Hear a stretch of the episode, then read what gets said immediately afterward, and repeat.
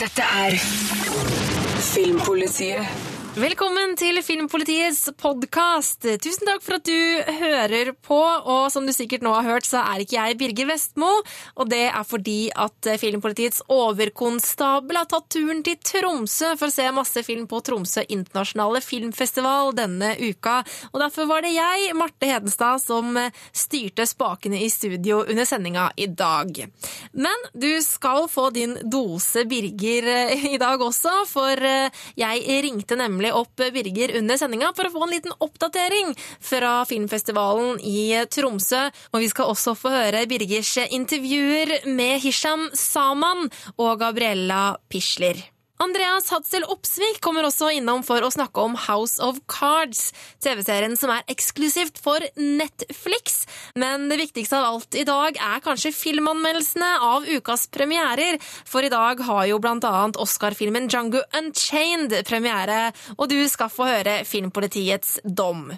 Det du også skal få høre, er min anmeldelse av Le Miserable, som jeg rett og slett glemte å legge inn i dagens sending. Så det får bli et uh, lite bonusspor på podkasten. Sånn går det når sjefen ikke er her for å passe på. Dette er Filmpolitiet på P3.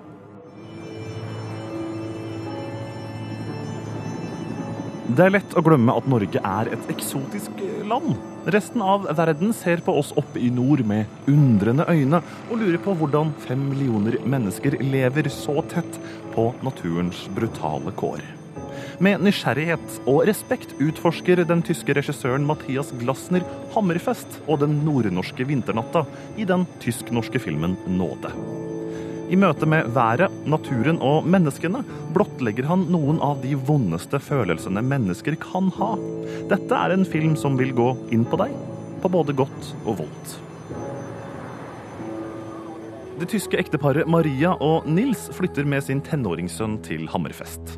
Far i familien skal jobbe på Snøhvit-anlegget i byen, mens mor tar seg en jobb på det lokale sykehjemmet. Hun jobber for å gjøre livet til de som snart skal dø, så behagelig som mulig. Til å begynne med venner paret seg til den mørke polarnatta. Men snart ser vi at den også setter sine spor i de to. En natt snus alt på hodet. I det nordlyset blir en fatal distraksjon for Maria.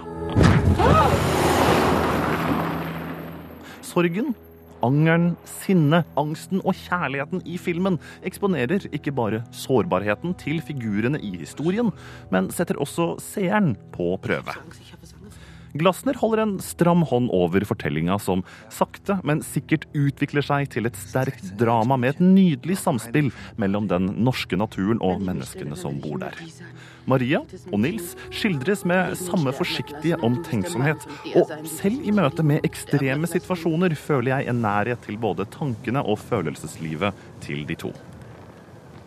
Marias tragiske uhell i filmens begynnelse fører paradoksalt nok paret nærmere hverandre og leger mange av sårene i det skrantende ekteskapet.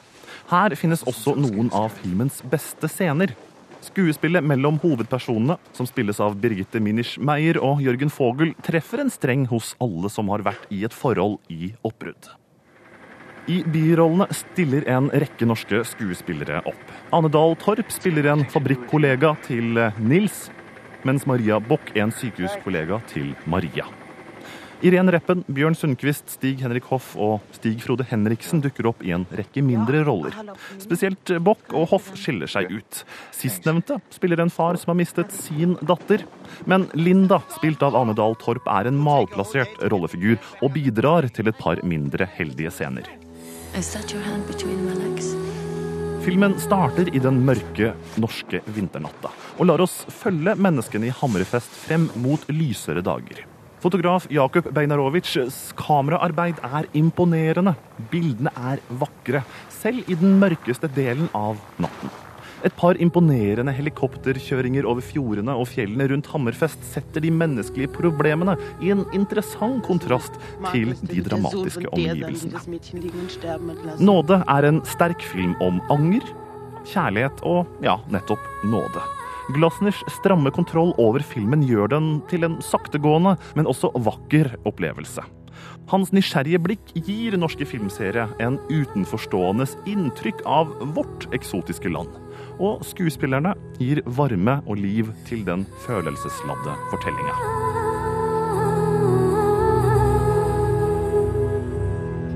Sterkt og vondt fra den norske polarnatten, der Rune Haakonsen belønnet nåde med terningkast fem.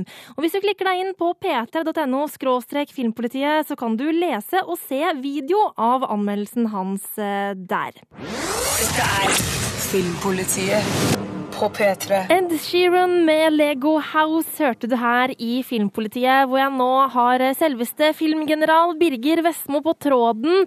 Eh, Birger, du befinner deg jo i Tromsø på Tromsø internasjonale filmfestival. Der har du vært eh, hele uka. Hvordan går det der oppe, Birger? Det går kjempefint. Det her er en veldig hyggelig filmfestival med stor stemning utenfor kinosalen og mange eh, forskjellige typer opplevelser inne i kinosalen. Så det her har vært interessante dager for alle filminteresserte. Og Du har jo vært eh, i Tromsø siden mandag. Hva, hva for noen filmer er det du har sett? Ja, det er litt for mange til å liste opp her, men jeg kan ta de som jeg har uh, hatt det morsomst med. Og da starter vi med Sør-Korea. Et uh, ekstremt filmland på mange måter. Når sørkoreanere lager film, så gjør de det så, så, mye de kan, for å si det på den måten. Uh, altså As One er en sportsfilm. Det handler om pingpong, og det er basert på en sann historie om da Sør-Korea og Nord-Korea forente seg for å slå erkerivalen Kina i et pingpongmesterskap.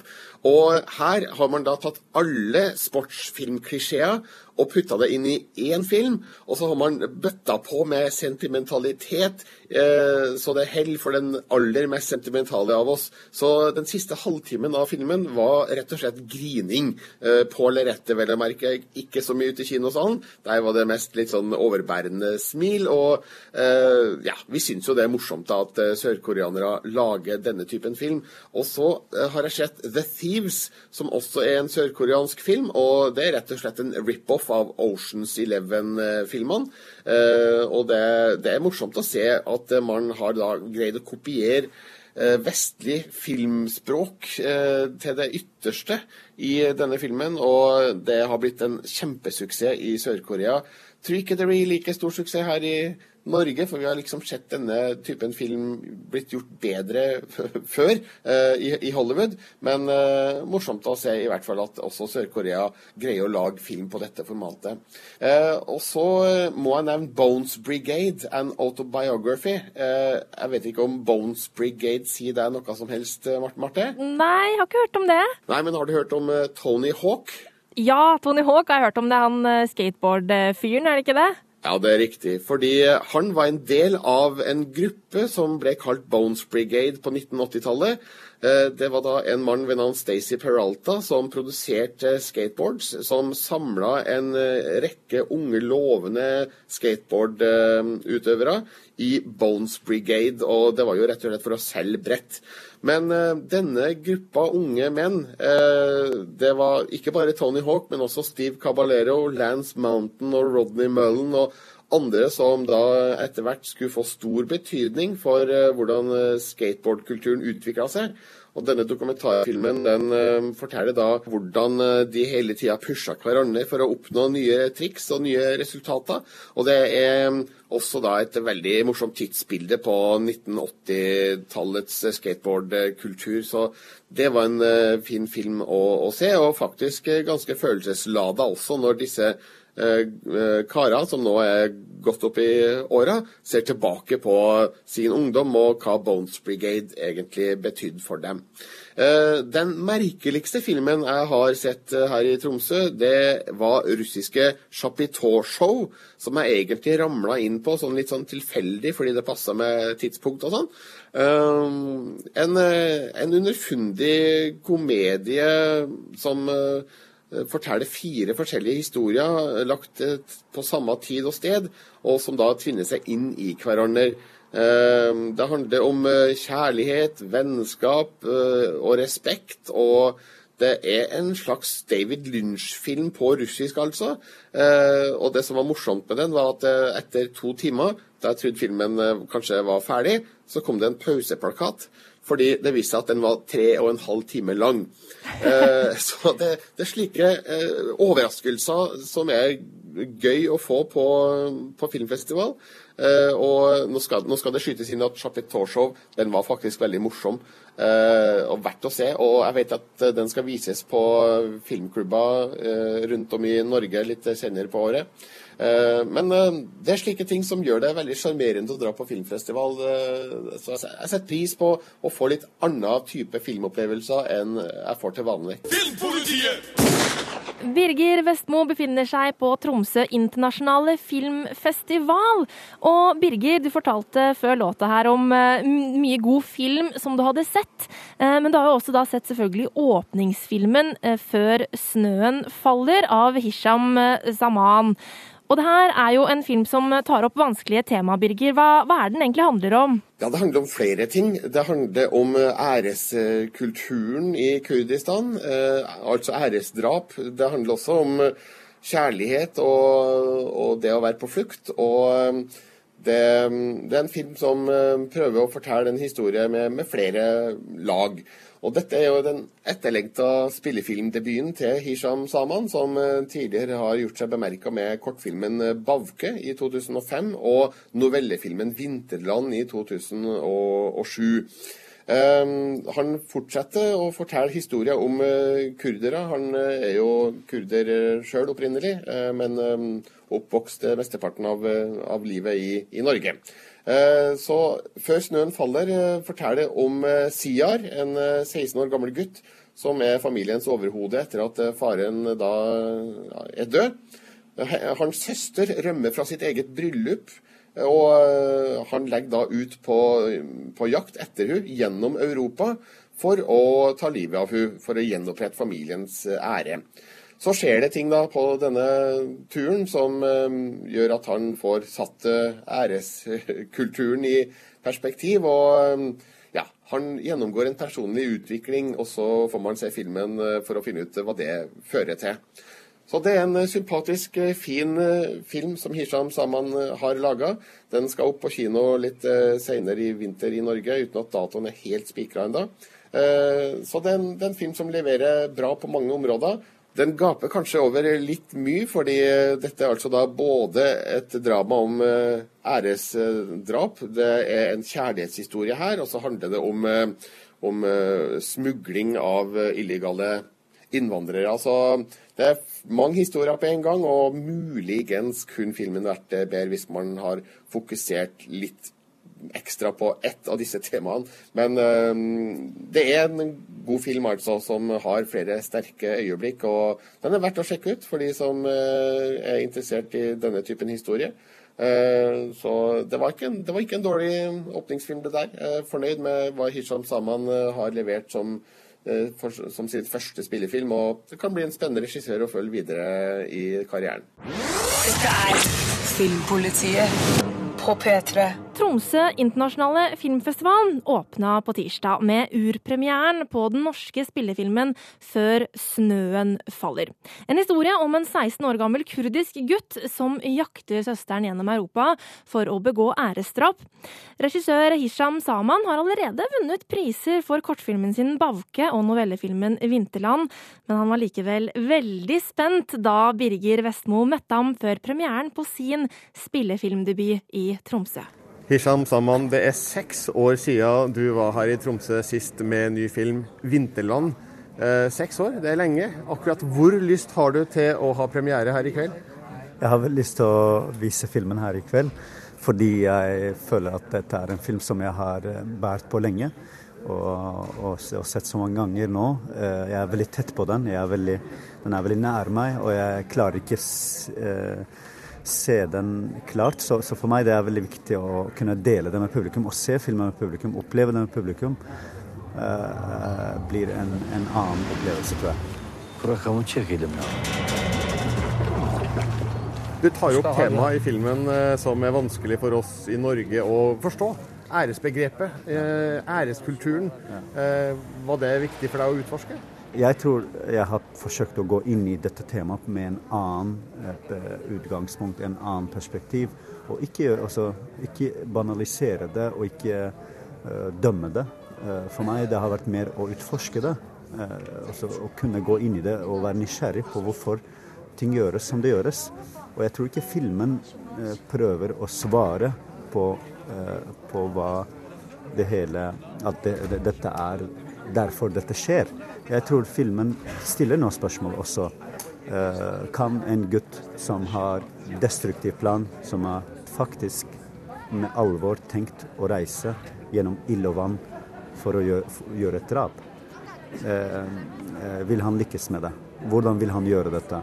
Og vil han virkelig stå på dette hele veien, eller vil han møte utfordringer. Og hva slags utfordringer vil han møte, og hvordan vil han bruke det til å utvikle seg som menneske. Så alle disse tingene jeg tror jeg det er kompleksiteten rundt en karakter, ensomheten hans, måten han selv etter hvert møter kjærligheten, som er hovedårsaken til at søsteren rømmer fra eh, eh, sitt eget bryllup. Da.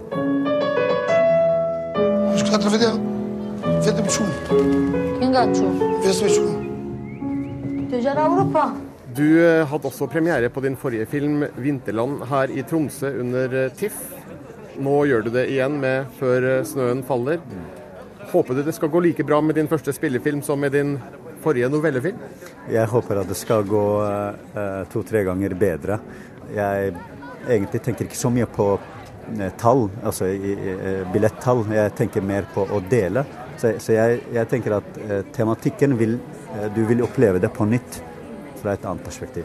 Det sa regissør Hisham Saman til Birger Vestmo. Før snøen faller åpnet altså Tromsø internasjonale filmfestival, og får norgespremiere litt senere i vinter. Filmpolitiet på P3. Quentin Tarantinos Oscar-nominerte film 'Jungo Unchained' den har jo fått mye kritikk for sine voldsskildringer. Men filmen har altså fått fem Oscar-nominasjoner, bl.a. i kategorien beste film.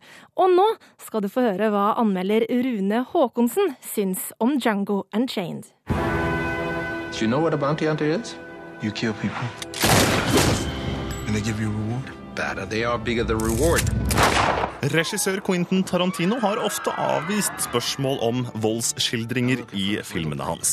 Han har sagt han er lei av å rettferdiggjøre de brutale scenene han bruker til å skildre sine filmfigurer. Det er dumt, for det er viktig å diskutere vårt forhold til vold som underholdning. På en annen side er ikke volden i Django Unchained det som er mest interessant. Voldsskildringene i Tarantinos nyeste film er råe. Og det er tydelig at eh, regissøren setter stor pris på exploitation-sjangeren. Men dette blir ikke filmens fokus for lenge om gangen. Tarantino utfordrer den populære oppfatningen av Amerikas slavehistorie med en film som, i en stil regissøren allerede er kjent for, radbrekker westernsjangeren.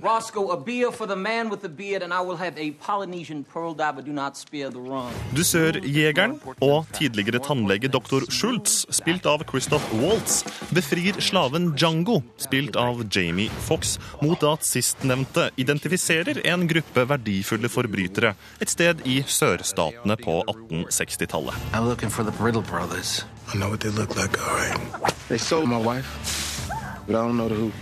Flere tusen dollar betales til den som fanger de kriminelle, død eller levende. I Tarantinos filmer ender det oftest med død. I all sin visuelle grusomhet inneholder filmen Django Unchained en lang rekke konfrontasjoner mellom dusørjegerne og hvite mennesker som aldri har opplevd noe annet enn å eie en mørkhudet person. Den hjerterå skildringa av en type rasisme som i dag nesten er umulig å forstå, av menneskeskjebner som ødelegges uten hensyn, og av brutal undertrykking, er vanskelig å ta inn over seg seg. Tarantinos stiliserte og overdrevne blikk på slavehistorien forteller i klartekst hvor jævlig det hele var. Hans genitrekk er å skildre figurer som er mulig å føle med, også for et moderne publikum.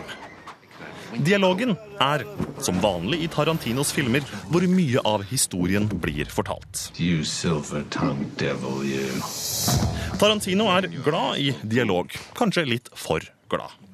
Helter i både exploitation og spagetti-westernfilmer er ikke kjent for å prate så mye. Tarantino hadde nok vært tjent med å ta med disse sjangertrekkene inn i denne filmen. For Django Unchained er en lang film. Touch your guns, you die. Django Unchained føles noen ganger ut som om den ble sendt ut av klipperommet litt for tidlig. At dette er en uferdig versjon av den endelige filmen. Flere scener bidrar ikke til helheten, og innimellom må Tarantino ty til ulekre hopp i historien. Alt dette kan selvsagt være et nikk til filmene han har blitt inspirert av, men i så fall har han gjort det bedre og mer elegant i f.eks. Kill Bill-filmene. Voldsskildringene er, som nevnt, overdrevne og grusomme. Men menneskene og holdningene som befolker Tarantinos filmunivers, er mer opprørende å se på lerretet. Denne filmen bærer alle merker etter den egenartede regissøren, og skiller seg markant fra de filmene vi er vant til å se fra Hollywood. Selv med sine noe ujevne kvaliteter er Django Unchained en film som er både relevant og utfordrende. Quentin Tarantino vil ikke gi slipp på sin rolle som amerikansk mainstream films egen cowboy. What's your name? Django. Haha. The DSL. Django! Django! Ja ja, brutalt, blodig og fascinerende er altså Rune Haakonsen sin dom over Django Unchained. Og han ga filmen terningkast fem, og hvis du klikker deg inn på p3.no skråstrek filmpolitiet, så kan du både lese og se eh, Rune sin anmeldelse der. Og Rune han kommer eh, straks hit i studio for å snakke mer om Django Unchained. Filmpolitiet. P3. Widescreen på radio. Og før låta så hørte du Rune Haakonsen sin anmeldelse av Quentin Tarantinos nye film Django Unchained.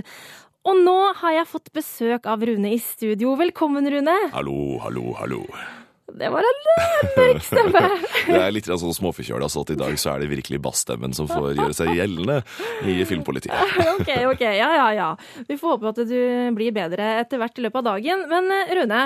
eh, som Quentin Tarantino-fan så forventer jo jeg heftige voldsscener Ja. når jeg ser en Tarantino-film, men ut ifra anmeldelsen din så hørtes det veldig brutalt ut i Django. Ja, det er det, altså. Det er, det er noen scener der som virkelig gjør vondt å se på. Og, og det er jo sånn Tarantino bruker sine voldsskildringer, er jo for å skape et veldig, et veldig tydelig engasjement. Mm. Men jeg tror nok at eh, med all den debatten som var i forkant av filmen, så, så tror jeg nok også noen vil bli litt overraska, for den er ikke sjokkerende uh, brutal, eller noe sånt som Altså, det er noen scener som, som virkelig skiller seg ut, men, men sånn i det store og hele.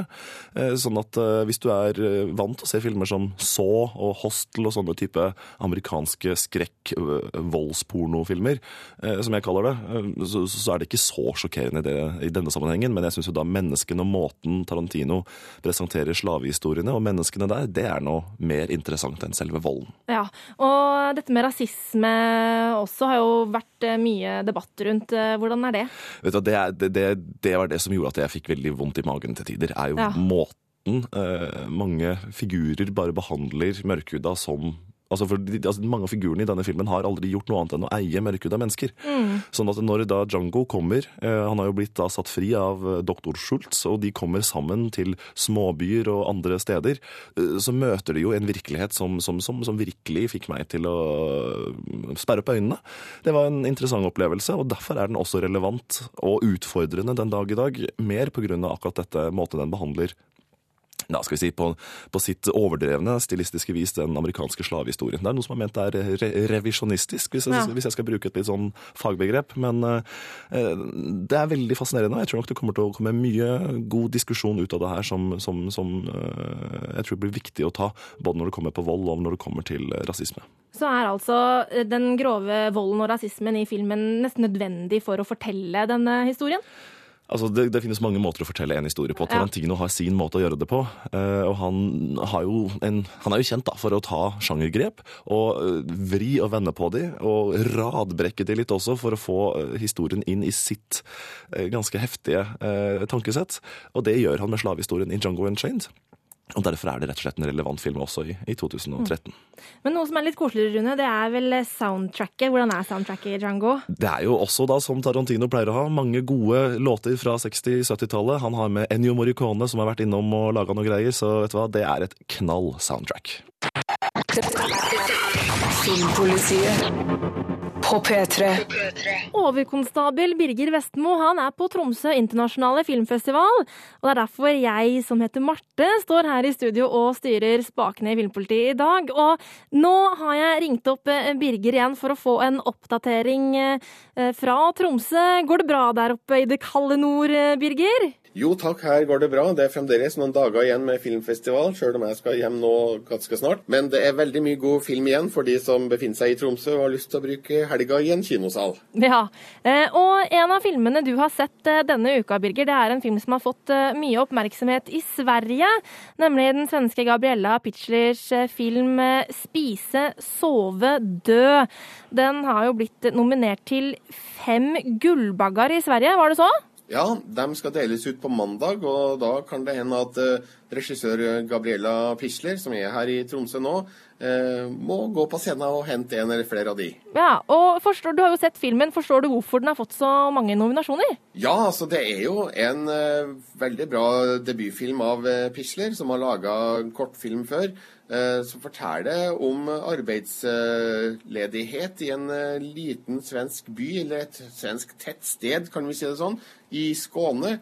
Der vi møter ei ung kvinne ved navn Rasha, som er full av pågangsmot og tiltakslyst, men likevel har problemer med å tilpasse seg sin nye tilværelse som arbeidssøkende. Og dette er jo en situasjon som dessverre litt for mange opplever ute i Europa for øyeblikket. Og um, man skulle jo tro at dette da ble en uh, trist og svart film, men så er det det motsatte. Den er full av humor og, og, varme, og vi møter da en person som er full av positivitet og energi, når situasjonen kanskje egentlig skulle tilsi at hun var nedgjort og nedtrykt. Men eh, da kan jo dette kanskje være en slags eh, inspirasjonskilde for eh, andre som er i lignende omstendigheter. Eh, og det er blitt kalt den sterkeste svenske debuten siden eh, Modisson slo gjennom med, med fucking Åmål. Og jeg kan godt forstå den sammenligninga, for det er en film med et veldig ærlig, troverdig filmspråk.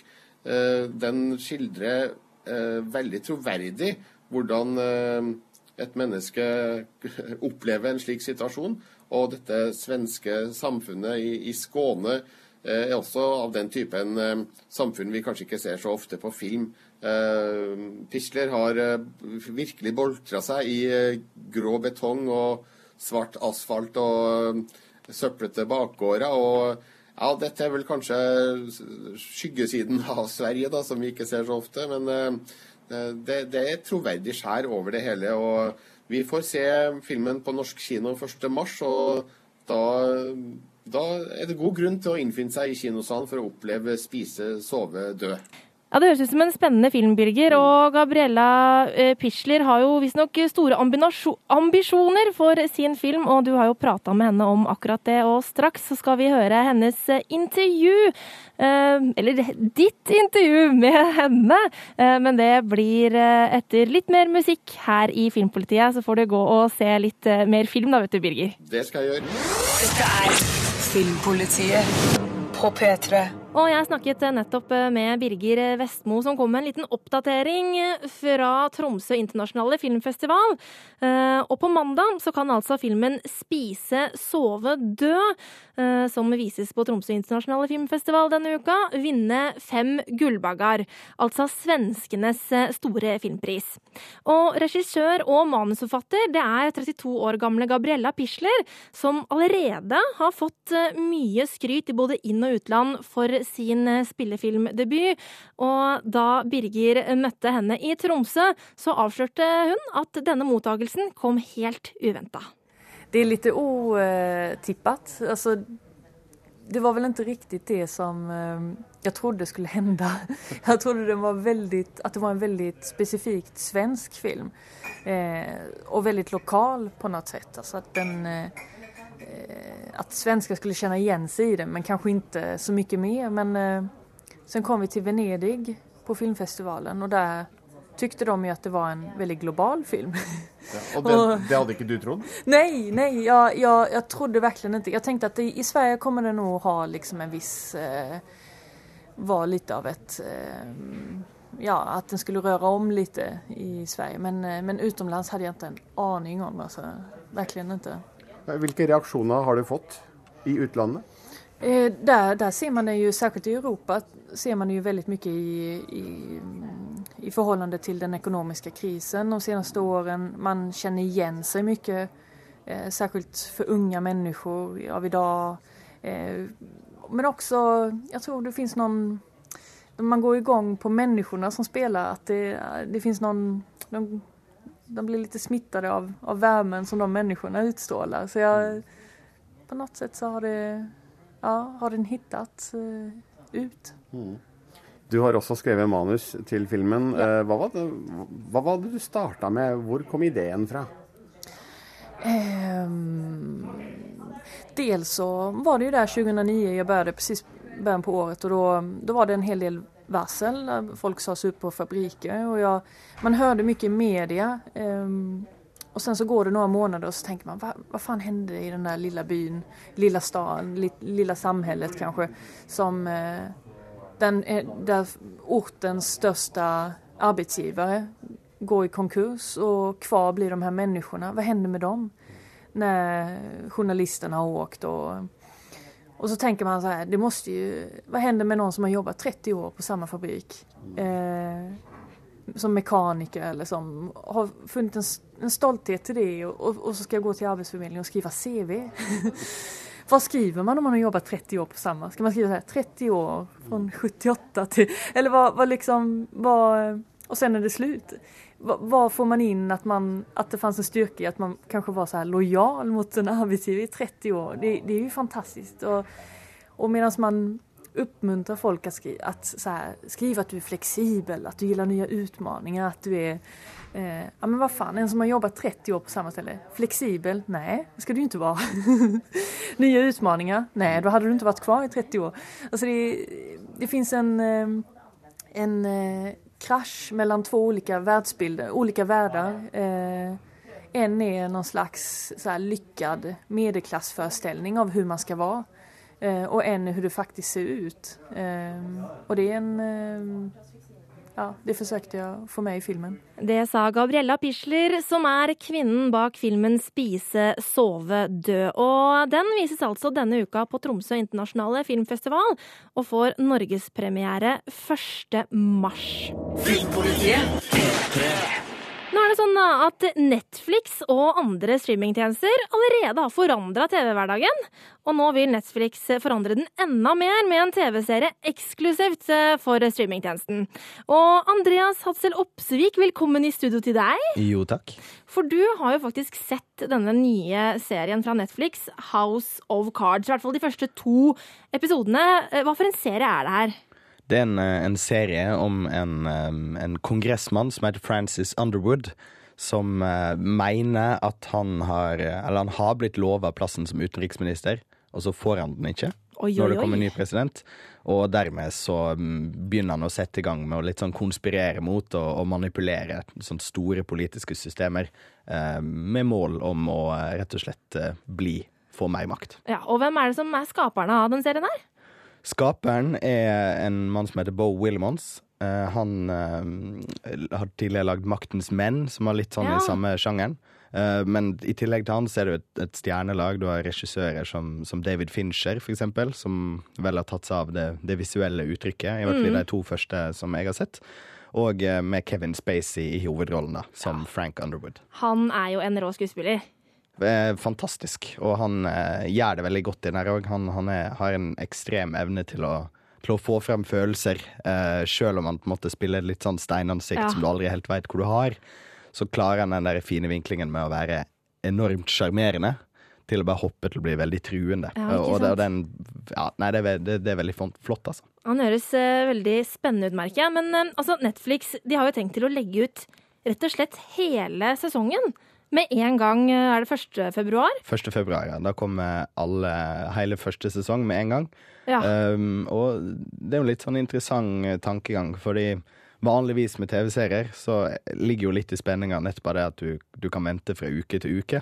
Mm. Eh, altså du må vente ei uke for å få med deg neste episode. Ja. Og da går på en måte Da går diskusjonene og, og samtalene du har med andre som, som liker TV-serier, Mm. går gjerne på sånn åh, hva skjer neste gang? Ikke sant? Men, men hva som vil skje når de på en måte slipper alt med en gang, og det utelukkende er tilgjengelig der, det, det tror jeg kan bli litt uh, interessant. Ja, det blir spennende å følge med på. Og så lurer jeg også på hvordan andre streamingtjenester og TV-kanaler ikke minst kommer til å reagere på det her. De kan jo ikke konkurrere, i hvert fall ikke TV-kanaler, konkurrere mot Altså, jo da, jeg har sett Sex og singelliv-maraton på TV3, liksom, men det er ikke hele sesonger i strekket.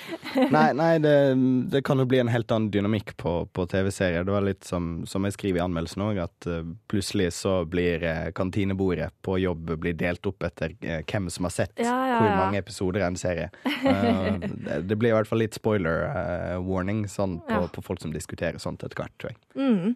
Og anmeldelsen din den ligger jo ute på p3.no skråstrek filmpolitiet. Kan du bare avsløre terningkastet? Jeg, eh, basert på da de to episodene som jeg har sett, eh, jeg kan ikke konkludere hele eh, sesongen, tross alt, men basert på de to episodene, så har det fått terningkast seks. This Oliver, this savior, I will taint his heart with the blackness of despair. Det japanske filmselskapet Studio Ghibli er et av verdens mest kjente animasjonsselskap og står bak noen av de fineste animefilmene som har blitt produsert i Japan. Sammen med spilleutvikleren Level 5 har de nå kommet med rollespillet Nino Kuni Wrath of the White Witch, som byr på en magisk spilleopplevelse du sent vil glemme. Welcome to my world, Holly boy. Another world. I dette nydelige japanske rollespillet møter vi den godhjerta gutten Oliver, som sammen med den merkelige feen Mr. Drippy legger ut på en reise til et magisk parallelt univers for å hente moren sin tilbake fra de døde. En ond makt er i ferd med å knuse hjertene til de stakkars innbyggerne som bor i eventyrverdenen, og det viser seg at Oliver er den eneste som kan redde dem fra mørket og helbrede de knuste hjertene. Dette er med andre ord en typisk heltehistorie, og Nino Kuni er også et veldig tradisjonelt rollespill, som holder seg til de konvensjonene vi kjenner fra japanske rollespill. En lineær historie, mye tekstbasert dialog og et tradisjonelt kampsystem. Det som skiller Nino Kuni fra røkla, er imidlertid det vakre spilluniverset Studio Ghibli har skapt, og de mange artige figurene som finnes i det. Nino Kuni Wrath of the White Witch er et koselig og fortryllende rollespill som er vanskelig å legge fra seg. We have to make her heart whole again. She's not in pain because a piece of her heart was stolen. It's because you gave up fighting. Spillverdenen flommer selvfølgelig over av fiender du må bekjempe. Og på den vei møter du dyr og monstre i alle størrelser som er ute etter å ta deg. Du kan fange noen av de fiendtlige dyrene du bekjemper i spillet, og trene dem til kamp. Ikke ulikt slik det er i Pokémon, og dette er et artig element som jeg satte stor pris på. Shadar is incredibly powerful. And they say no one can defeat him. I know that, but I have to. Nino Kuni er en skatt for deg som elsker japanske rollespill. Og hvis du er en tilhenger av Studio Ghiblis filmer, kommer du til å få mye glede ut av å utforske dette vakre spilluniverset. Med en ekte heltehistorie, sjarmerende figurer, nydelige omgivelser og et strålende lydspor, er Nino Kuni Wrath of the White Witch et av de beste rollespillene jeg har spilt på lenge.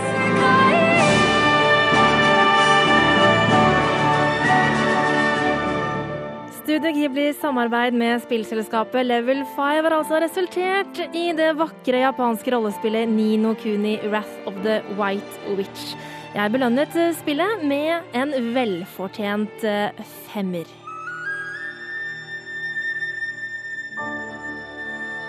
Det skal bli flere anmeldelser her i Filmpolitiet. Straks får du Andreas Hatzel Opsviks anmeldelse av den svenske filmen Isdragen. Dette er Filmpolitiet på P3.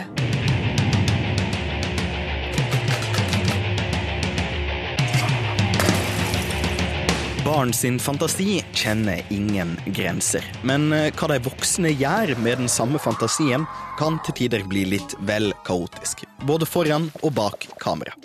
I sin debutfilm har svenske Martin Høgdahl forsøkt å skape ei vær ut av et barn som jager en plass å være. Dessverre er ikke godt skuespill og artige ideer nok til å redde ei fortelling full av løse tråder. En isdrake? Jävlar. Mick har en sånn livlig fantasi, og filmen Isdragen ser verden fra hans perspektiv. Skjønt han har jo faktisk noe å rømme fra. Når familiesammensetninga hans etter hvert utvikler seg til å bli ei død mor, en utvaska rocker med alkoholproblem som far, og en halvkriminell bror, blir han mellombels plassert av barnevernet hjå tanta si på den vakre svenske landsbygda. Det här är Mick. Han skal gå her i vår klass ett tag. Historia er basert på en roman av Mikael Engstrøm, kokt ned til korte 77 minutter med film. Uten å ha lest boka antar jeg at mye er tatt bort i prosessen. Mest sannsynlig for å holde på oppmerksomheten til filmens unge målgruppe. En får et innblikk i en hverdag som er både opprivende og engasjerende, men det blir oppstykka og gir meg ikke tid til å kjenne figurene. Show, bro. Va? Vi säger så her. Det er gangsta. Jeg savner uansett ei forklaring på hvem den gamle mannen i rullestol i starten av filmen er, eller hvordan det motoriserte kjøretøyet Isdragen i det hele tatt får en slik plass i livet til flokken rundt vår hovedperson. Heldigvis har Isdragen mange ting som òg snakker til sin fordel. Skuespillet fra den unge, sjarmerende Olsson og Malin Morgan, som spiller tanta hans, er nært og rikt og tilfører Isdragen mye. Det er i varme øyeblink mellom filmens karakterer at Isdragen er på sitt beste. I tillegg er verden Mick lever i, og til en viss grad den han skaper i hodet sitt, fargespekka og flott framsynt. Hardrockinteresser Mick har fra faren, blir trukket inn i filmen gjennom ulike musikkglimt. Alle filmer fortjener en hardrock-montasje. Såkalla ledemotiv, små lydsnutter tilknyttet en figur eller en situasjon, fungerer best når de er nytta med omhu. Når den samme biten dukker opp hver gang den lokale gangstergjengen kommer inn i ei scene, føles det mer som når den førehåndsinnspilte stemma på toget annonserer neste stasjon, enn et velbrukt filmatisk grep. Dessverre. Det er glimt av gode ting i isdragen. Et eh, blikktak dekt av knuste spritflasker er en nydelig måte å vise at alkoholismen har gått føre seg over tid. Men historia er ikke arbeid lenge nok med til å fungere som en heilskap. Varmen er der, farta er absolutt stas, men på veien til rulleteksten legger isdragen fra seg altfor mange løse tråder. Velkommen hjem, broder. Filip, du har din hand på min röv. Anmelder Andreas Hadsel Opsvik var dessverre ikke kjempeimponert over den svenske filmen Isdragen, og ga den terningkast tre. Filmpolitiet på P3. Musikaladapsjonen av Victor Hugos verk De elendige tok verden med storm da den kom i 1980 og er blitt en tidløs klassiker. Romanen er blitt filmatisert en rekke ganger, men aldri har vi sett en fullstendig filmadapsjon av musikalen Le Miserable før nå. I'm cold. Would you let me stay here for tonight? I know who you are. You're Jean Valjean. Når verdens mest kjente musikal blir film, er det duket for dramatikk og sterke følelser. Det er en underdrivelse å si at forventningene mine til denne filmen har vært skyhøye. Og derfor er det kanskje også urettferdig å si at jeg ble litt skuffa. Men jeg ble ikke så grepet som jeg hadde håpet av Le Miserable. Likevel kan jeg med hånden på hjertet si at dette er en flott, vond og sterk versjon av De elendige. Vi befinner oss i 1800-tallets Frankrike, der Jean Valjean, spilt av Hugh Jackman, akkurat har blitt løslatt etter 19 år i fengsel fordi han stjal et brød. Når han bryter med den livslange prøveløslatelsen sin og skaper et nytt navn for seg selv, sverger fengselsvakten og senere politimannen Javær, spilt av Russell Crowe, at han skal finne Valjean og fengsle ham på livstid. Do not forget my name. Do not forget me. Regissør Tom Hooper har gjort det han kan for å distansere seg fra scenerommet vi er så vant til å se Le Miserable utspille seg i. Isteden har Hooper valgt å ta kameraet svært tett opptil skuespillerne, noe som gir en type nærhet man aldri kan oppnå fra en teaterscene. Filmen bæres derfor i stor grad av ansiktsuttrykkene til skuespillerne, og det legger mye press på deres prestasjoner. Men Hugh Jackman, Anne Hathaway og resten av castet i Le Miserable er enestående i måten de formidler nøden og elendigheten deres rollefigurer erfarer. At the end of the day, she'll be nothing but trouble. And there's trouble for all, and there's trouble for one. Skuespillerne i Le Miserable sang live under innspillingen istedenfor å mime til et allerede innspilt spor, sånn som er vanlig. Og det gjør at skuespillet blir mer troverdig, og at følelsene får større kontroll over stemmen enn hvis de hadde stått i et tomt studio kun med en mikrofon.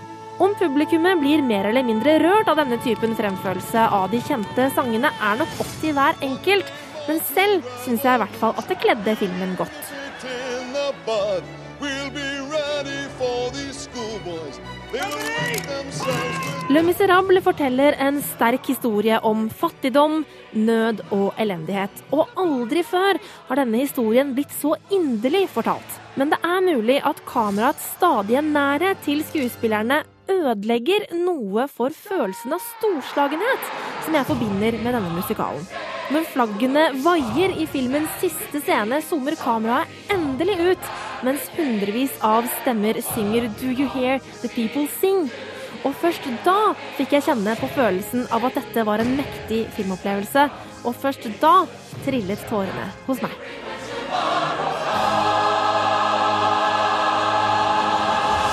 Nei, jeg ble altså ikke tatt med storm av Le Miserable, men dette er for all del en veldig god film, og jeg belønnet Le Miserable med terningkast fire. Flere filmanmeldelser finner du på p3.no skråstrek Filmpolitiet! Det var Filmpolitiets podkast for denne uka. Takk for at du hørte på, og neste uke er Birger tilbake i studio. Dette er Filmpolitiet